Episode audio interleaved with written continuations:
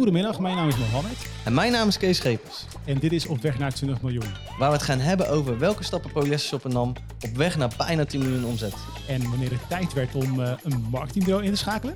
En welke marketingmix nou het ei van Columbus is. Ja, Kees, welkom in de studio. Ja, dankjewel. Kan jij jezelf even kort voorstellen? Laten we daarmee st- daarmee starten. Ja, eh, nou, ik ben eh, Kees Schepers en eigenaar van polyestershopper.nl. Eh 35 long, lentes jong, zeggen ze. Ja. Eh, ik eh, run uh, eh, en eh, andere domeinen eh, al een jaar of, eh, of in ieder geval sinds 2008. Dus eh, ruim, eh, ruim 10 jaar. Ja. Eh, vader van twee kinderen, vrouw. Ja, huisje, boompje, beestje. Volvo. Nog gaat- geen hond. Het gaat lekker. hey, en uh, polyestershop.nl, wat, je, je, je verkoopt polyester? Wat, wat, wat is het? Ja, ik moet eigenlijk tegenwoordig zeggen polyester. Want, of, eh, sorry, polyester shoppen. Want we zijn actief in meerdere landen. Maar eh, ik heb de gewoonte nog steeds eh polyestershop.nl te zeggen. Ja, ja, omdat we daarmee begonnen zijn. Ehm, ja, we, het grappige is, we verkopen eh, meer andere producten dan polyester tegenwoordig. maar daar is het ooit begonnen. Ehm, maar eh, ja, om het makkelijk uit te leggen, wij verkopen eh koudhardende kunststoffen. Nou, dan leg ik het nog steeds niet makkelijk uit, denk ik. Maar wij verkopen lijmen, kitten, verven, eh, coatings. ehm, ja, je zou het een beetje met bouwmarktmaterialen kunnen vergelijken, maar wel wat ja, echt in de chemische kunststofindustrie eigenlijk. Ehm, aan particulieren, maar ook zakelijke afnemers eigenlijk. Dus beide. En al, altijd B2C en B2B gedaan? Ja, eigenlijk vanaf het begin af aan wel. En dat is eigenlijk ja, hè, door de jaren heen een beetje... eh de ene keer, ene jaar wat hardere groei in zakelijk. Andere jaren hardere groei in eh, particulieren. Vooral vorig jaar eh, is de particuliere omzet eh, pff, gegaan, zeg maar. Waarom? Corona. Ja. Heel veel mensen thuis zitten die zogenaamd aan thuiswerken zijn. Ja, maar En, dus hobbyisten ook.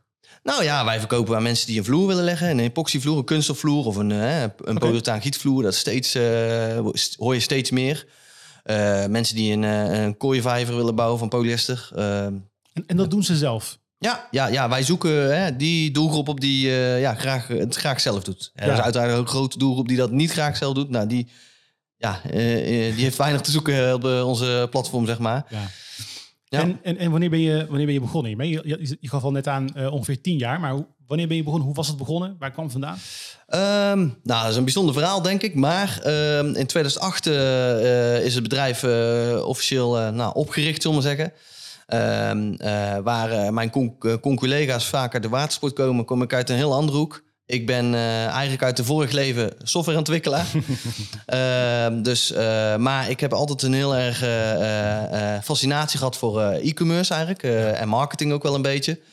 Ehm, dus ja, in, in, in, in de jaren voor 2008 was ik eigenlijk al ja, een paar jaar op zoek. Nou, ik wil een keer een webwinkel beginnen. Lijkt me leuk om te doen.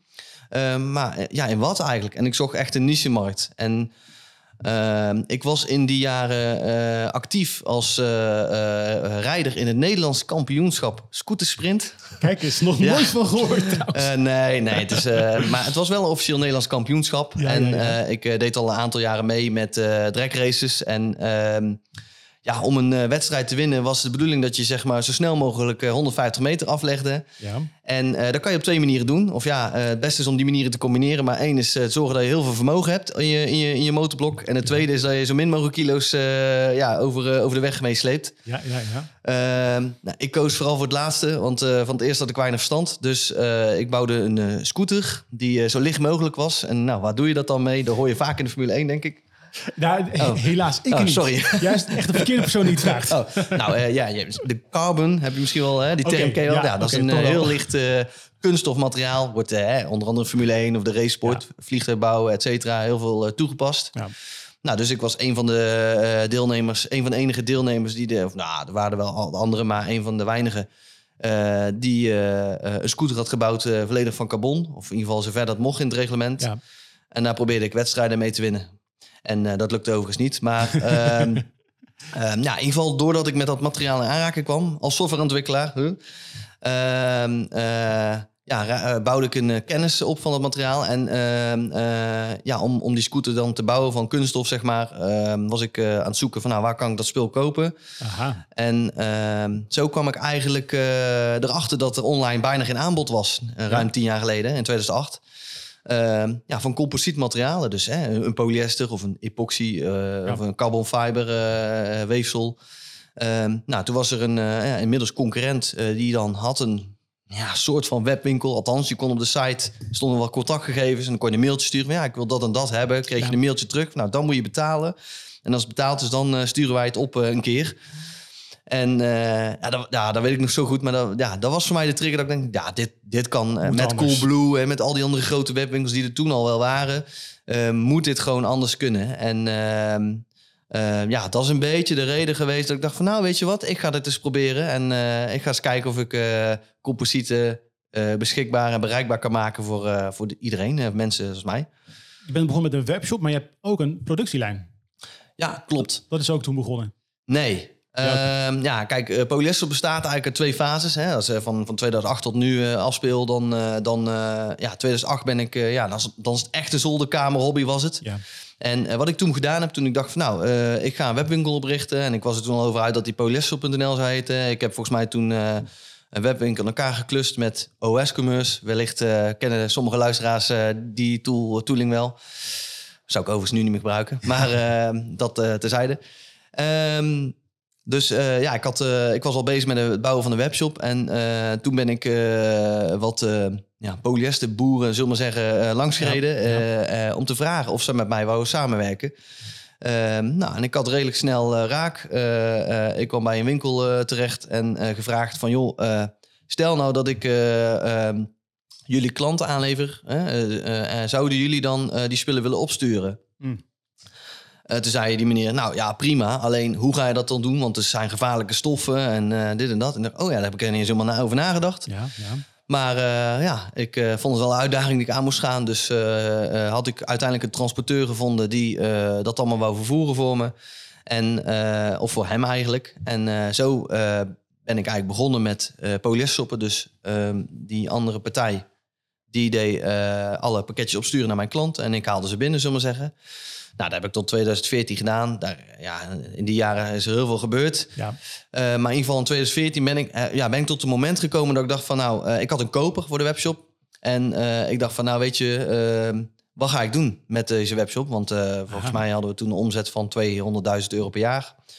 En ehm, eh, ja, ga ik het uh, verkopen en gewoon me verder focussen op een uh, andere leven als softwareontwikkelaar. Want je bent tegelijkertijd ben je nog steeds bezig met software. Ja, nu niet meer inmiddels. Ja, ja soms in een verloren uurtje of s'avonds op de bank.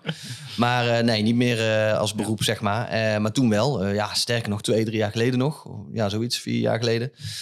Ehm, dus ik, ja, ik stond een beetje op punt om een keuze te maken. Dus ik dacht, nou, wat ga ik doen? Ga ik het verkopen aan die partij? En daar kreeg ik er niet heel veel voor, maar het was ook niet veel waard.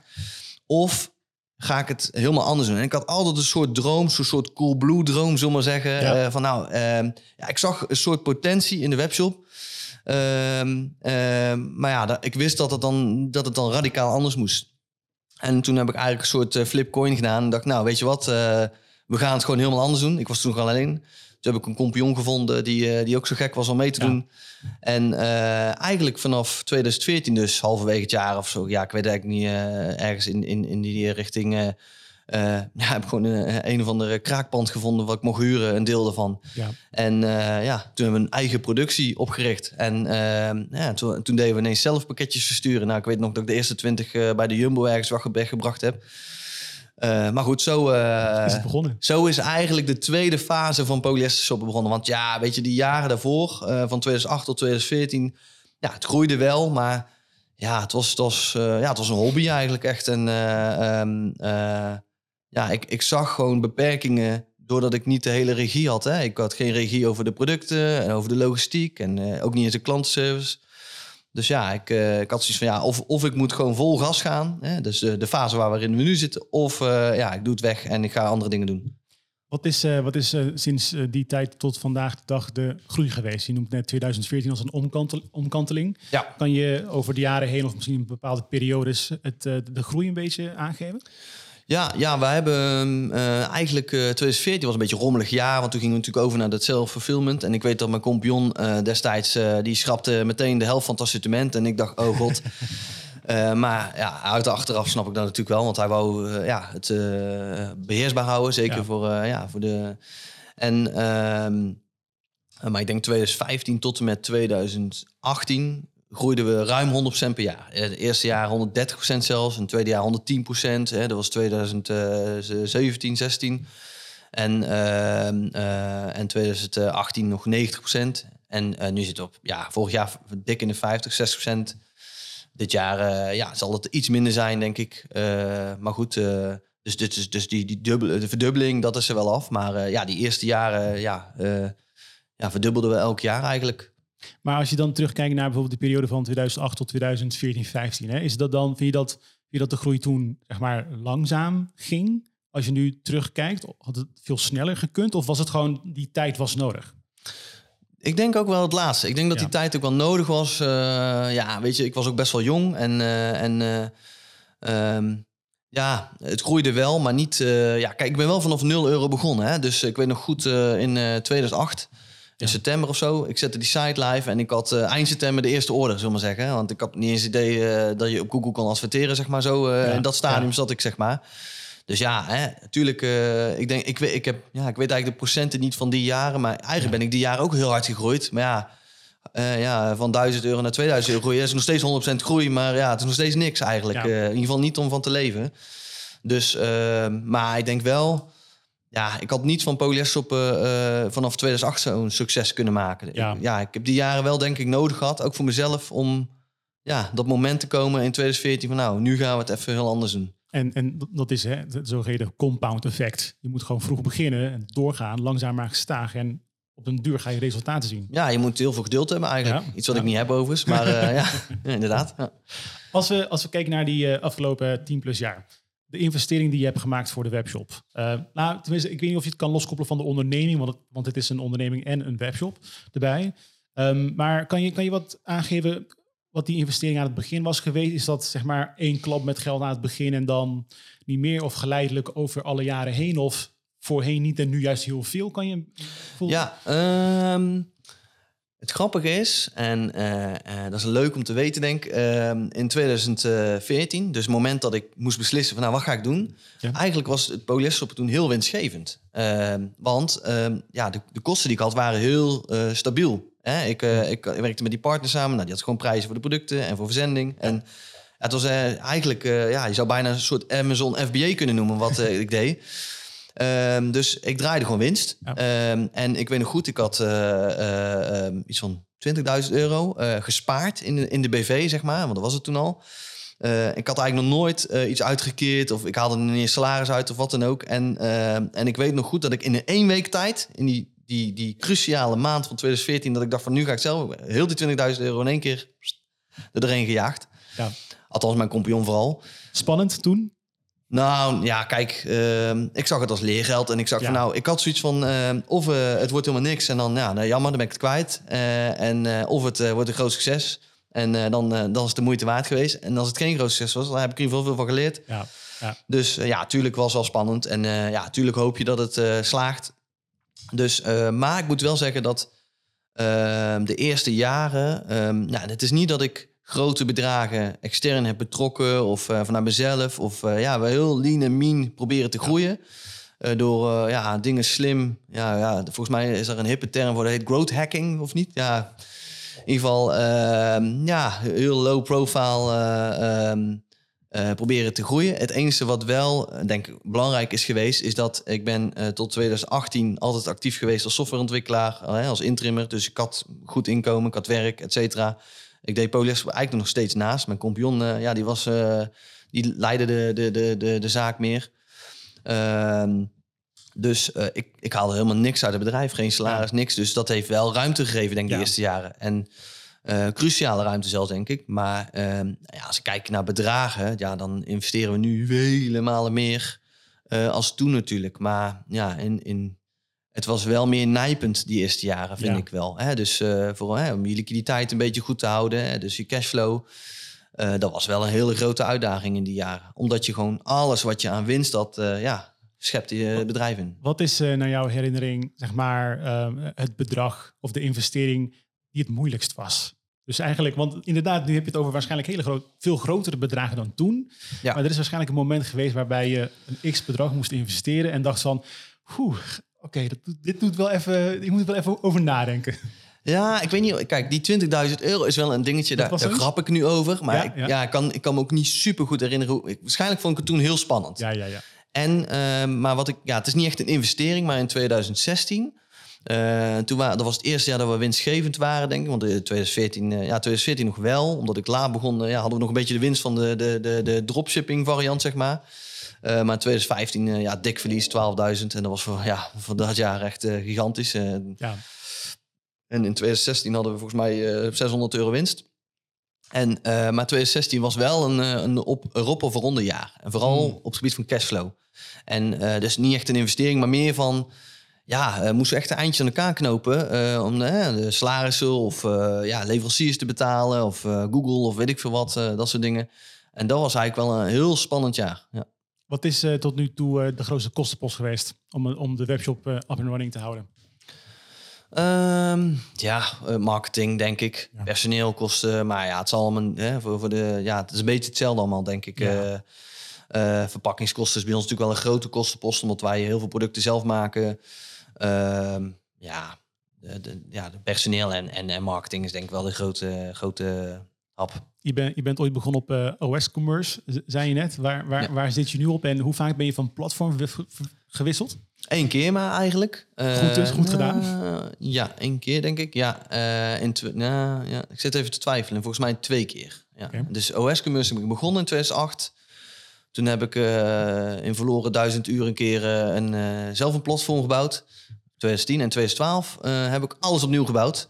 Ja, dat, het had Magento kunnen. Ik heb wel, ik heb toen echt een proberen een heel serieuze make-or-buy beslissing te ja. maken. Dus ik heb, ik weet nog dat ik in Breda met een bureau echt gesproken heb. Ehm, die Magento webshops bouwden. En ja, echt hun serieuze kansen geven. Maar ja, ik, ja, kijk, mijn, ik heb een softwareontwikkelaars hart. Ja, precies. En uh, kijk, het is ook niet dat ik iedereen wil aanmoedigen je, je, je, je platform eh, zelf te bouwen. Want ja, inderdaad, daar gaat heel veel geld in. En ja, dat, dat is echt niet altijd de beste oplossing. Maar ja, het is gewoon gelopen zoals het loopt. En ik wou het ook graag zelf bouwen. Ehm, en het heeft, tuurlijk, het levert mij nu heel veel voordelen op. Daar kan ik wel misschien wel meer over vertellen later. Maar in ieder geval, ja, in 2012 het hele platform opnieuw gebouwd. Uh, ja, met het Symfony 3 framework of 2 framework destijds. En uh, ja, uh, PHP, het is, die, dat soort stacks. Wat, wat, wat, op zich geen e-commerce platform is. Nee, nee, nee. Ik heb toen nog wel naar een e-commerce Cilius, dat is een, een framework gebouwd op Symfony. En dat is dan een soort e-commerce boilerplate-achtig iets. Maar ehm, dat was zo traag dat ik dacht van nou, op het weg. En ik bouw het al lekker zelf. Dus nee, inderdaad, de, ik heb het helemaal en, en niet, niet, alleen neem ik aan? Um, nee, ik heb toen uh, um, uh, wat geld bij elkaar geschraapt. En ehm, daar heb ik een frontender voor ingehuurd. die vanuit huis wat dingen deed. En die heeft de hele voorkant gebouwd. En ik heb zelf de hele achterkant gebouwd. In ieder geval tot en met 2016, 17, ja, ja. 18. Ergens in die fase. Kijk, ik heb tot, zelfs tot en met gisteren ontwikkel ik nog wel eens wat. Ja. Maar ik ben meer de hacker eh, in het bedrijf geworden. Dus uh, ik sloop vooral dingen en, uh, en uh, ik plak pleisters. Daar ben ik nog goed in. Maar... En, de, en de doorontwikkeling nu? Hoe doe je dat? Um, nou, wij, wij werken samen, of wij hebben één freelancer op kantoor zitten en iemand anders. Wij werken ook samen met twee bureaus. Eén die bouwt onze apps, die wij vooral intern gebruiken. En een ander bureau doet vooral front-end development. en we hebben één ontwikkelaar. die ja, de backend doet. Ja, ja die, die de backend uh, doet. En dat is een freelancer. Ja, precies. Ja, die ken ik van uh, vorige klussen. Dat ja. is ook een, uh, een constructie die niet heel vaak tegenkomt. Nee, ja. nee. Nou ja, kijk, denk wel bij grote bedrijven. Hè, zoals een, ja, nou ja, Blues verkeerd bijvoorbeeld, maar een bakshop of zo. Of ja. ja, dat is ook wel heel groot. Maar ja, de bedrijven van 20, 30 tot 50 miljoen of de... Die, die hebben vaak, kijk, die, sommige, sommigen hebben dan, dan wel een Magento-platform, maar dat is zo uitgekleed. En, die hebben een eigen team van softwareontwikkelaars die dat helemaal. ja. Een, een, vervolgvraag zou zijn, maar ik denk dat die niet, niet meer zo heel toepasselijk is. In jouw geval, hoeveel tijd ben je kwijt aan je webshop? Ja, ik denk aan, dat jij wel een hele... Aan de softwareontwikkeling of uh, gewoon in het algemeen? Nou, gewoon in het algemeen. Je bent, je bent eigenaar van een uh, e-commerce, uh, nou, van, van, van een webshop. En ja, gewoon, hoe, hoe, vaak ben je ermee bezig? Ben je er constant van dag en nacht? Want je had vroeger ook voorheen was je ook software developer. Dus je deed het erbij. Ja. Dus de vraag is eigenlijk van, ja, hoe vaak, hoeveel tijd ben je kwijt aan die webshop? Nou ja, ik sta ermee op en ik ga ermee naar bed. Dat, ja, dat, ik zou liegen als ik zou zeggen dat dat niet zo was. Natuurlijk heb ik een mooi gezinsleven, maar waar zeker de nodige aandacht in gaan. Maar tuurlijk, ik ben dag in dag uit bezig met, met de toko runnen. Tuurlijk vandaag heel anders als vijf jaar terug of zo. Uh, maar kijk, toen ik uh, het ernaast deed, hè, toen ik als softwareontwikkelaar gewoon werkte ergens anders, toen deed ik het wel op een andere manier. Toen moest ik veel meer dingen eigenlijk loslaten, gek genoeg. Mm Meestal moet je loslaten als het groter wordt. Ja. Maar uh, ja, ik, ik, had toen bepaalde uren maar te besteden. Dus wat ik toen vooral deed, waar ik goed in was, dat was softwareontwikkeling. En de finance van het bedrijf, daar heb ik eigenlijk altijd van begin af aan gedaan. En de rest zocht ze maar lekker zelf uit in de toko. Ja. Uh, dus, dus ja, dat, uh, maar goed, uh, ja, er gaan ongekend, gaat er ongekend veel tijd in. Je moet het ook, ja, je moet het ook beschouwen als hobby, anders dan. Um, je hebt op een gegeven moment heb je marketingbureaus ingeschakeld, of tenminste anders, anders extreem anders. Um, marketing is de grootste kostenpost bij webshops, bij far. Um, hoe ben je, hoe, hoe, heb je de marketing oorspronkelijk zelf gedaan? of tenminste, hoe was het voorheen? En, en op een gegeven moment schakel je een marketingbureau in, of tenminste een bureau die de marketing voor je gaat doen. Um, waar is dat gebeurd? Wanneer heb je gezegd van oké, ik ga er nu hulp bij halen? Um, nou kijk, ik had altijd een, uh, uh, ook wel een interesse voor marketing, hè, wat ik in het begin zei. En uh, ik deed de, de Google Ad advertenties beheren bij een bedrijf waar ik heel vroeger voor werkte.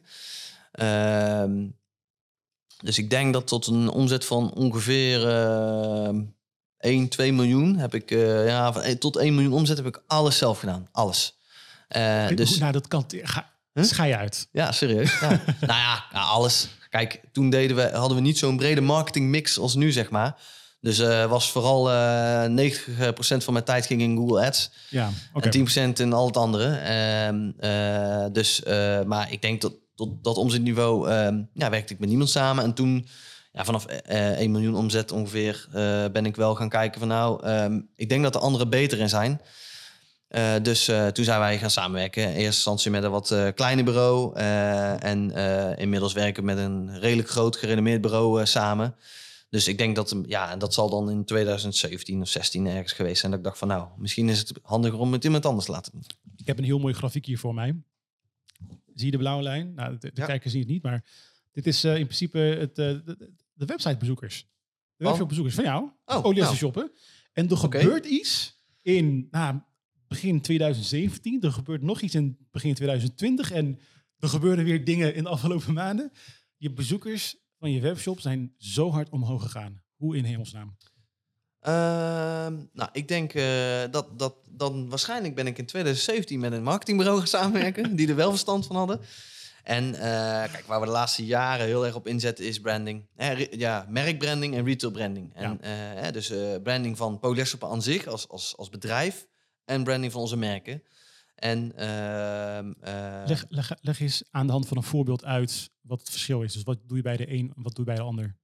Nou ja, kijk, Polyester is een retail platform. Hè? Dus uh, je hebt .nl, .be, FR en alle, alle landen waar we actief zijn. En dat is een, een, eh, een kanaal om onze producten te verkopen. En ja, onze producten en die van andere merken. Maar we hebben ook eigen merken, uh, twee. Ehm, ehm, en ja, die verdienen ook aandacht, zullen we maar zeggen. En dat is ja, product marketing. Dus uh, ja, merkmarketing. Uh, uh, dus ehm, ja, we proberen dan de, de namen van die merken te, populairder te maken, zeg maar.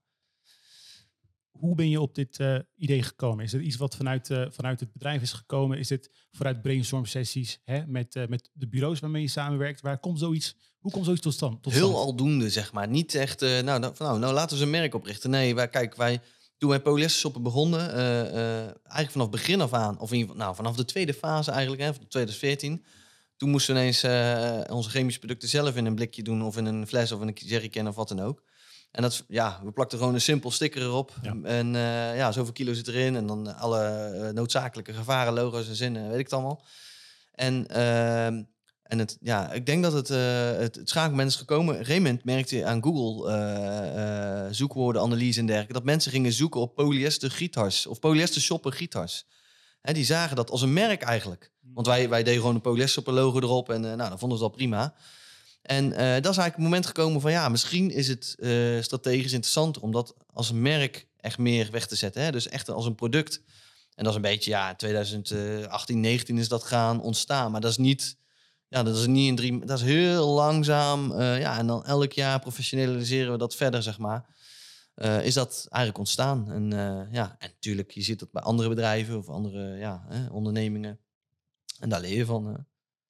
Um, in ieder geval wat ik dus, nou, wat, wat ik net aangaf, een van de vruchten die de samenwerking heeft afgeworpen is um, het aantal bezoekers. Dus SEO, SEO-werkzaamheden. Succes geweest, zo te zien. Wat zijn andere dingen waarvan je, hebt, waarvan je zegt, samenwerking met bureaus heeft, heeft ons dit opgeleverd? Ehm, nou ja, ik denk het belangrijkste is de samenwerking met het bureau waar we nu mee samenwerken op het gebied van marketing. ja, die die hebben onze marketingmix schaalbaar gemaakt. En ik denk dat dat een belangrijke stap is geweest. Dus uh, zij hebben heel veel uh, uh, geoptimaliseerd in shopping vooral. Daar ging een ongekende hoeveelheid geld in. Google Shopping. Ja, Google Shopping. Ja, dus de, de, de, de productresultaten van Google. En, ehm, ja, en de branding waar zij bij helpen. Hè, op YouTube en Facebook, et cetera. Alle socials. Daar, daar hebben zij heel veel aan bijgedragen. Dus ja, dat... Videomarketing doe je inderdaad ook. Ik zag je filmpjes voorbij komen op YouTube. Ja, nou eigenlijk dat misschien is nog een beter voorbeeld. Ja, ik denk dat ook sinds dat wij video's, dat is misschien die grafieken ook, weet je wel. Ja, um, Ik denk dat doordat wij video's zijn gaan opnemen, wat nog steeds weinig concurrenten doen, um, ja, de, de, de, wij wel behoorlijk hard gegroeid zijn. Hè. Dat zal niet het enige zijn, maar dat heeft wel een zekere ja, wind in de rug gegeven. Kan, je, kan je van, van de videowerkzaamheden, van die marketingactiviteiten, een, een, een, een ROI aangeven? Hou je dat voor jezelf bij? Dus videomarketing hebben we zoveel in geïnvesteerd. Of, of, mm. of zie je dat gewoon onderdeel van de marketingmix en ik weet, dit geef ik uit. Inmiddels wel, maar een paar jaar geleden hebben we wel eens uh, gemeten, zeg maar. De, uh, um, dat deden we volgens mij oh ja, via Google Analytics hadden een soort dashboard. En die, in ieder geval, wij, wij, wij konden een, een vergelijk maken van producten zonder video en met video. Aha. En waar, daarin zagen we eigenlijk dat elk product, maar dat is wel heel, ja, het is, het is niet zo letterlijk, maar uh, elk product wat een video had, deed, converteerde op zijn minst twee keer zo goed als een product zonder video. En, maar daar zat wel een groot verschil in of je een product hebt, eh, een kwast met een video of een echt heel uh, product, ingewikkeld product, hè, een, een, een kunsthars waarbij je de goede mengverhouding aan en de mengen en waar je het voor kan gebruiken. Ja, daar draagt een video nog veel en veel meer bij natuurlijk. Dat, ja.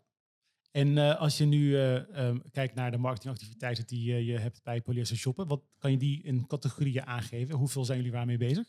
Ja, ik denk dat search engine advertising, hè, dus adverteren op Google, Bing, weet ik het, al dat soort platformen, wel, wel de, de hoofdmoot is. Ja. Ehm, dus daar gaat ja, toch wel zeker 70% van het budget in. maar ook social media, daar doen we steeds meer voor. Alleen dan wat meer om te minder om te converteren, maar meer voor branding. En vooral retail branding, dus van, hè, van de polyester als platform. Uh, ja, daar gaat uh, uh, videomarketing doen we ook. Ehm, ja, e-mail marketing, daar zijn we eigenlijk wel flink aan het oppakken de laatste twee jaar. Is dat, is dat niet helemaal uitgestorven?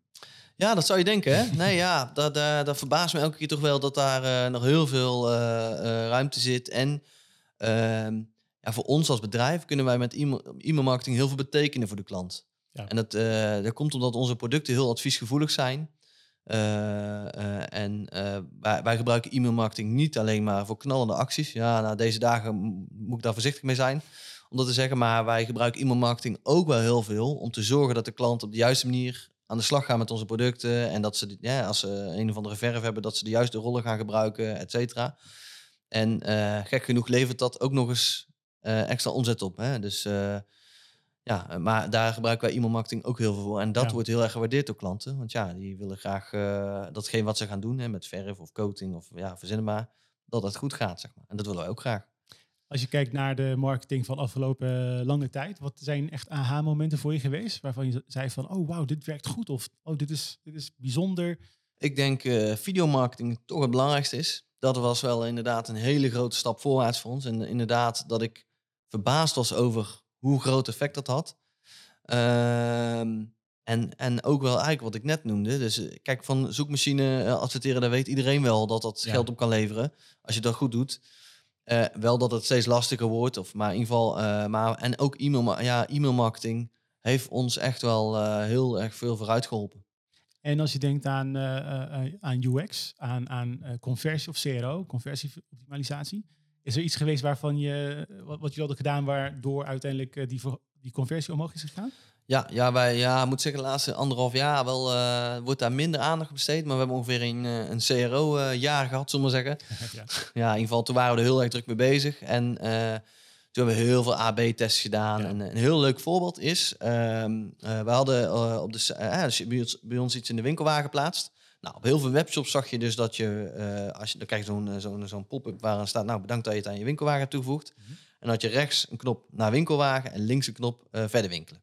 Ja. Dat zag je heel veel. Mhm. En uh, wij hebben dus een keer een AB-test gedaan, want we hadden een extern bureau ingeschakeld die ons adviseerde om dat zo te doen. En ik was het daar niet mee eens. Omdat ja, wij, wij verkopen niet één fiets of één iets. Wij verkopen heel vaak, onze gemiddelde ordergrootte is vijf, zes regels. Hè? Dus mm vijf, zes artikelen. Dus toen hebben we een AB-test gedaan met twee versies van de site. Eén versie staat naar winkelwagen links en niet groen, gewoon grijs, een beetje. en verder winkelen groen rechts. Ja. En een, een pop-up andersom. En de, de pop-up waarbij verder winkelen groen was en rechts stond, wat blijkbaar mensen heel normaal vinden om rechts te klikken, ehm, leverde 15% meer omzet op. En, en we hebben ook toen analyses gedaan over de bezoekers die dan de winkelwagenknop rechts hadden. En zagen we heel veel irritatie. Dus die, die klikten uit gewoonte op dat knopje in winkelwagen. En die kwamen dan in de winkelwagen en denken, ja nee, ik moet nog een kwast hebben en een emmer. En, en, en dan waren ze de categorieën kwijt. En, dus ja dat, ja, dat vind ik dan heel geinig. En dat, jaar, ja, dat is 2019 denk ik een beetje geweest. Toen hebben we, en 2020 een beetje, hebben we heel veel AB-tests gedaan met, een, met, ja, met een externe software tool en heel veel verbeteringen doorgevoerd aan de site. Dus ja. Ja, het is uiteindelijk vallen en opstaan en steeds weer doorgaan. Als je terugblikt, wat waren echt de valkuilen geweest, denk je? Um, ja, de afgelopen twee jaar vind ik wel vind ik moeilijke jaren eigenlijk. Ja. En ehm, om echt door te gaan naar de volgende fase.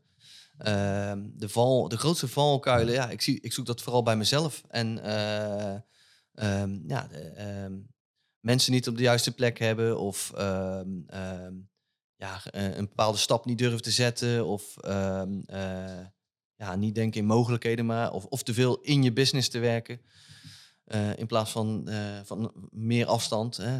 Ja, dat, dat eigenlijk zijn de afgelopen twee jaar wel de grootste uitdagingen geweest zijn. Of ook een harde kwalificatie, maar uitdagingen zeker. Uitdagingen wel. Ja. Hey, we gaan door naar deel 2. Want ik had jou ook uh, gevraagd om een aantal vragen voor te bereiden. Tenminste, de vragen heb ik gesteld. De antwoorden zou je voorbereiden. Um, en uh, vraag 1 is inderdaad, wat is jouw gewaagd groeigetal? Ja, ik, ehm, ik weet niet of ik precies het antwoord ga geven wat jij voor, voor ogen had. Maar ja. Uh, ik, wat ik leuk vind om daarin te zeggen, is dat uh, wat veel bedrijven uh, misschien verkeerd doen, die willen groeien, ja. is dat ze zich heel erg focussen op, op bijvoorbeeld marketing hè, of, of verkoop, hè, klantservice, verkoop. En wat ik ooit geleerd heb van een groeigoeroe, een groeicoach, Sander Klos, is dat ehm, je moet juist proberen alles 1% beter te maken, want dan groei je exponentieel veel harder. Hmm. Dus uh, als je als ondernemer hard wil groeien, zorg dat je retourbeleid goed is. Zorg dat je logistiek goed is, je productie in ons geval. Dat je klantenservice goed is hè? en uh, um, je, je marketing. En zorg dat je op alle fronten, bij wijze van spreken, 5% groeit. En niet alleen op je marketing. Want ja, als je, je marketing kan wel heel goed zijn, maar als de, als de klant vervolgens slecht behandeld wordt, of, dan ja. lever je het eigenlijk weer in. Dus ja, en, en, en toen hij dat zei, klonk dat heel logisch. Maar we deden het niet. En ja, dus dat, dat, dat, dat vind ik dan... Als je, je kan beter zorgen dat je op alle fronten 10% groeit... als op marketing 100%. Want als je dat doet, dan groei je 100% per jaar. Ja, eigenlijk wel. ja. ja dat is het groeigetal. Ja. ja. Hey, uh, een tweede vraag was uh, een bijzonder bedrijf, een e-commerce speler waarvan jij denkt van zij doen het leuk.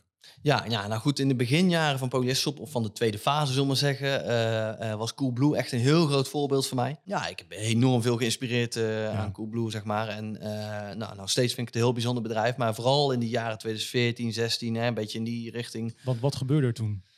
Um, nou ja, uh, um, ja, Coolblue werd uh, heel erg een, uh, een retailkanaal, zeg maar. Hij ging zich heel erg sterk focussen op het merk Coolblue. ja, en dat, daar raakte ik door geïnspireerd. En ook een excessieve focus op klantentevredenheid triggerde mij heel erg. En ehm, ehm, ja, dan moet je natuurlijk wel als bedrijf je eigen draai zien te vinden. Weet je, ja, één op één kopiëren, dat is denk ik niet heel verstandig. Ja. maar ik moet wel zeggen dat de laatste jaar, twee jaar, ehm, ja, heb ik niet een bedrijf wat, wat, wat nou, daar, daar kijk ik heel erg tegenop. Of de, de, ik vind meerdere webshops, nou, bijvoorbeeld Omoda, vind ik een hele mooie webshop en ook een hele mooie onderneming eigenlijk. Uh, ik, ik keek vroeger meer naar het webshop eh, gehalte, zeg maar. Het, En nu kijk ik meer, als ik naar andere bedrijven kijk waar, hè, waar ik me door wil laten inspireren, naar het, de hele onderneming. Ja. dus naar de cijfers, maar ook naar de webwinkel. Maar hoe gaan ze om met klanten? Wat is hun missie? Wat is hun visie? Uh, en uh, ja, dan vind ik Omoda bijvoorbeeld ook heel sterk uitkomen. Maar ook een, een wat kleinere speler is bijvoorbeeld Toppie. Dat vind ik uh, ja, op een manier ook een heel... Toppie, die ken je die? Ja, die zitten meer in, in ehm, zwembadartikelen. Ja, bijvoorbeeld filterpompen of zo. Of, okay. Maar ik, met de Shopping Awards hebben wij verloren van hun. Dus misschien is het dat. maar in ieder geval... Ehm, ja, toen ben ik ook in contact gekomen met de eigenaar. En, en eigenlijk ben sindsdien een beetje gaan volgen. En ik vind het ook een heel bijzonder bedrijf eigenlijk. Ja. Ja, en, dus... en dus terecht ook, wat je bij Coolblue, over Coolblue aangeeft, dat stukje marketing, dat stukje merkbranding. Moda ook bijvoorbeeld, want wat zij hebben gedaan. Ze hebben dus uh, een, ze hebben, zich, uh, ze hebben de e-commerce propositie opgefrist. En wat ze hebben gezegd vanuit marketing oogpunt is, um, je, je shopt niet meer naar een product, maar je shopt naar een look. Ja. Ze hebben een hele mooie fotografie, een heel ander design op de, in de webshop en een heel andere klantbeleving. Ja, ik denk dat wat Omoda maar heel erg triggert is hun passie. En dat, dat voel en zie je door het hele bedrijf.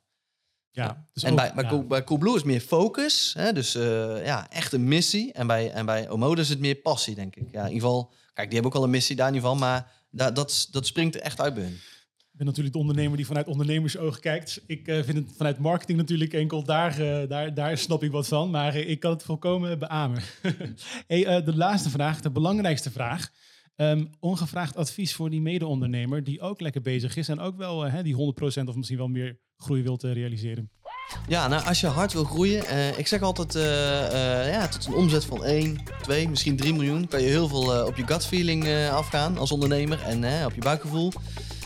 maar ik denk dat vanaf, vanaf, ja, vanaf 3 miljoen omzet, of in ieder geval in, in die richting een beetje, dat het heel belangrijk wordt dat je uh, data gaat bijhouden van, hè, van dingen in je bedrijf. En uh, van logistiek, productie als je dat ook hebt, marketing, klantservice. En dat je dingen gaat meten. Want het wordt vanaf die grootte en als je hard gaat groeien, wordt het steeds moeilijker om dingen op je buikgevoel te beslissen en sturing te geven. Dus ja, ik zou iedereen aan willen gemoedigen om, om data gedreven te ondernemen. Mooi, mooi advies. Kees, bedankt voor je tijd. Ja, graag gedaan.